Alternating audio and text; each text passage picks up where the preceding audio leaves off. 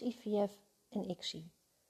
Als jij bezig bent met de kinderwens en het lukt eenmaal niet op de natuurlijke manier, dan kom je in het ziekenhuis terecht. En al die afkortingen die vliegen je om de oren en je hebt soms geen idee wat het allemaal inhoudt. IUI, IVF, ICSI. De arts die vertelt het je allemaal, maar het begint je helemaal te duizelen. Je hebt geen idee.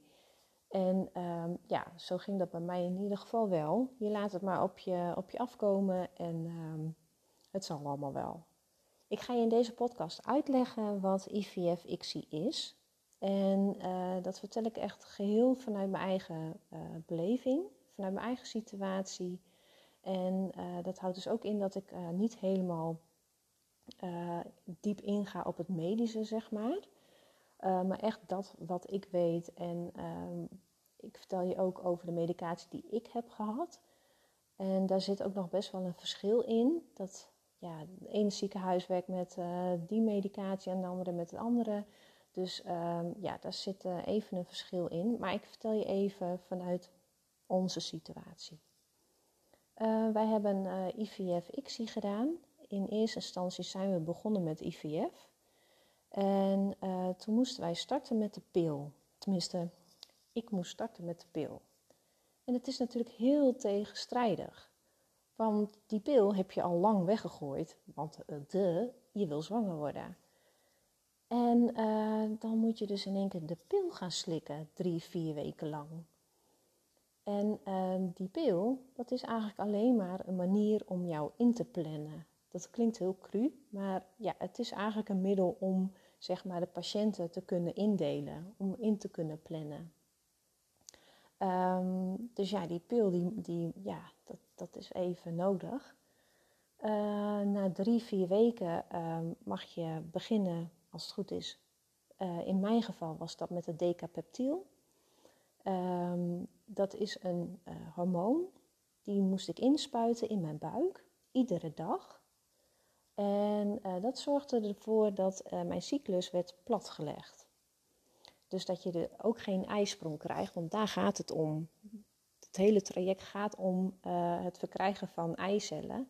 En als jij zomaar spontaan een eisprong krijgt, ja, dan ben je te laat. Dan heeft alles waarvoor je dit doet, heeft dan geen functie meer. Um, dus die spuit decapeptiel in je buik. En dat is natuurlijk heel raar. In uh, ja, de, de, de, eerste is gewoon heel raar en heel eng. En ik heb er volgens mij. Volgens mij heb ik er een uur over gedaan om die spuit in mijn buik uh, te krijgen. Want het voelt zo tegenstrijdig. Je weet dat het moet, maar dat, ja, nee, het is heel raar. Maar goed, uiteindelijk is het gelukt en weet je, ik voelde er helemaal niks van. Echt helemaal niks. En de volgende dag ging het ook prima. En de dag daarna en de dag daarna. En de ene keer voel je het wat meer. En de andere keer voel je het helemaal niet. En uh, ja, wat ik vooral deed was um, op een stoel gaan zitten. En dan ja, krijg je zeg maar zo'n ribbel, weet je wel, in je buik. En dan pak je die ribbel en dan moet je hem erin jensen. Maar goed, dat, dat leer je allemaal dan wel in het ziekenhuis. En dat, um, ja, dat gaf mij gewoon nou ja, geen pijn of het minste pijn.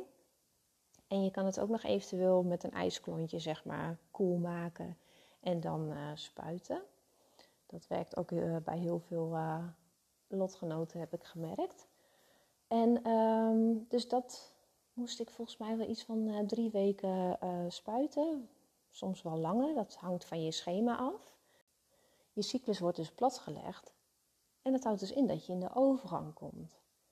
En ja, alles wat bij de overgang hoort, die symptomen, dus de opvliegers en uh, hoofdpijn en prikkelbaar, ja, dat, dat, dat had ik ook allemaal. Ik, had, uh, ik heb sowieso al wel eens last van migraine.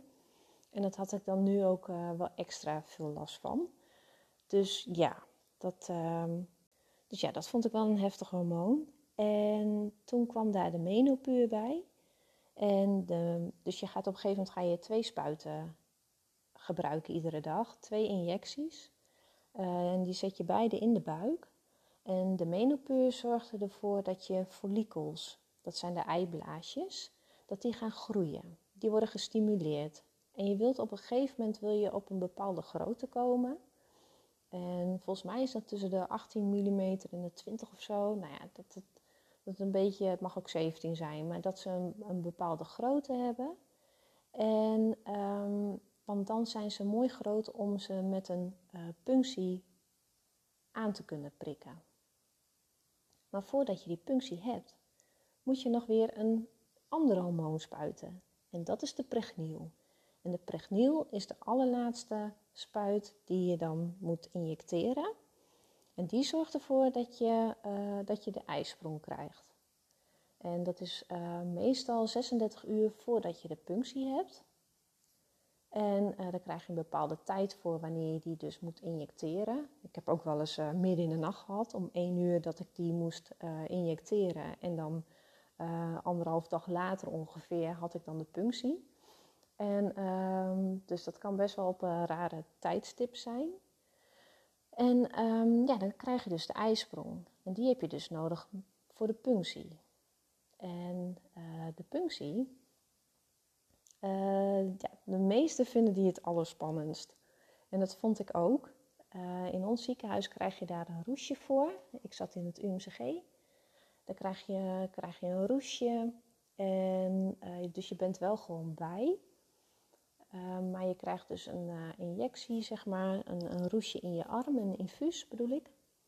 En um, nou ja, dat wordt zo langzaamaan wordt dat zeg maar ingebracht. En dan uh, gaan ze nou ja, al heel snel starten met de punctie. En dan worden eigenlijk jouw um, eierstokken aangeprikt en dan worden die eitjes eruit uh, gezogen. En in mijn geval, ik heb maar heel weinig eitjes. Uh, bij de ene is dat 20 en bij de ander, zoals bij mij, ehm, nou ja, kan dat maar maximaal 4 of 5 zijn. Dus die eitjes, ja, eigenlijk zijn het blaasjes die ze aanprikken, uh, die worden dan uiteindelijk bekeken door het lab. En die gaan dan kijken of er in dat blaasje ook nog echt een eitje zit. En als dat zo is, uh, dan worden die eitjes bevrucht met het zaad. En uh, dat wordt of, nou bij IVF is het zo dat het in een petrischaaltje komt. Het eitje en het zaad. En dan moet het zaad er nog naartoe zwemmen, na het eitje. Dat is IVF. Dus dan moet het zelf nog even aan het werk. En bij ICSI is het zo dat het zaad in het eitje wordt geïnjecteerd of ge geïnsemineerd. En in eerste instantie deden wij IVF. Um, maar omdat ik zo weinig eitjes heb, um, zijn we overgestapt op ICSI. Het is wel even nog een ander verhaal, dus daar kom ik uh, later in een andere podcast nog op terug. Uh, maar goed, um, wij hebben dus uiteindelijk ICSI gedaan. En ja, dan is het gewoon fingers crossed en hopen dat die eitjes bevrucht raken. Want het wil nog niet zeggen dat wanneer het zaad in het uh, eitje zit, dat het goed wordt bevrucht. Want het moet zich namelijk nog delen. En dat delen gaat, geloof ik, van um, uh, twee cellen naar vier cellen, naar acht cellen, naar 16 cellen. Dus zo breidt het zich steeds meer uit. En uh, hoe meer cellen, ja, dat is mijn gevoel, hoe beter, zeg maar. Wil helemaal niet zo zeggen dat je dan in één keer heel veel slagingskans hebt, maar voor je gevoel is het dan, ja, yes, het is meer gegroeid, dus ja. Dus dan heb je, heb je een embryo. Nou, wanneer je een punctie hebt gehad en uh, er zijn bevruchtingen ge, uh, gekomen, dan heb je na drie dagen, tenminste in ons ziekenhuis, heb je na drie dagen de terugplaatsing. Dat heet een verse terugplaatsing. Um, dus die wordt dan teruggeplaatst. Middels een, een slangetje wordt dat uh, nou ja, in je baarmoeder gebracht. Uh, ja, dat is echt een magisch moment. Hier doe je het allemaal voor. En dan heb je die achterlijke twee wachtweken. Je denkt dat dat traject met het hormonen spuiten en die punctie, dat dat echt, nou ja, dat je dat niet aan kan. Dat dat het verschrikkelijkste is.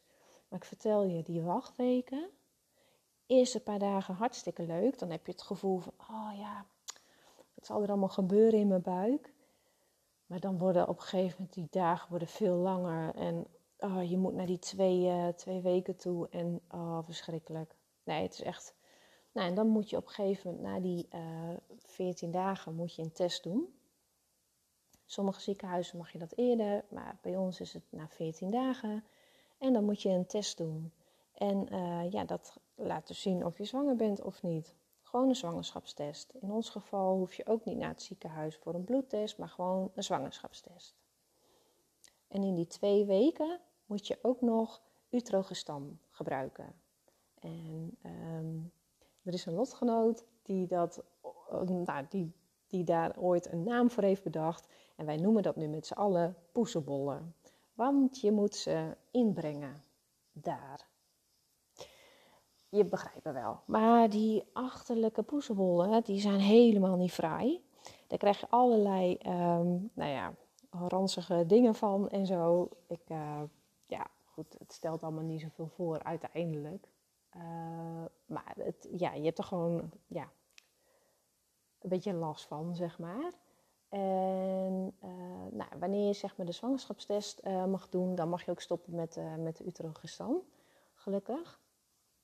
Nou ja, en dan is het de vraag of je een positieve test hebt of een negatieve test. En hoe dan ook, wat de uitslag ook is, je belt dat door naar je ziekenhuis. Je geeft dat door en dan ja, dan is het of je start met een nieuw traject. Of uh, ja, je mag uh, een afspraak maken voor een echo. Super fijn.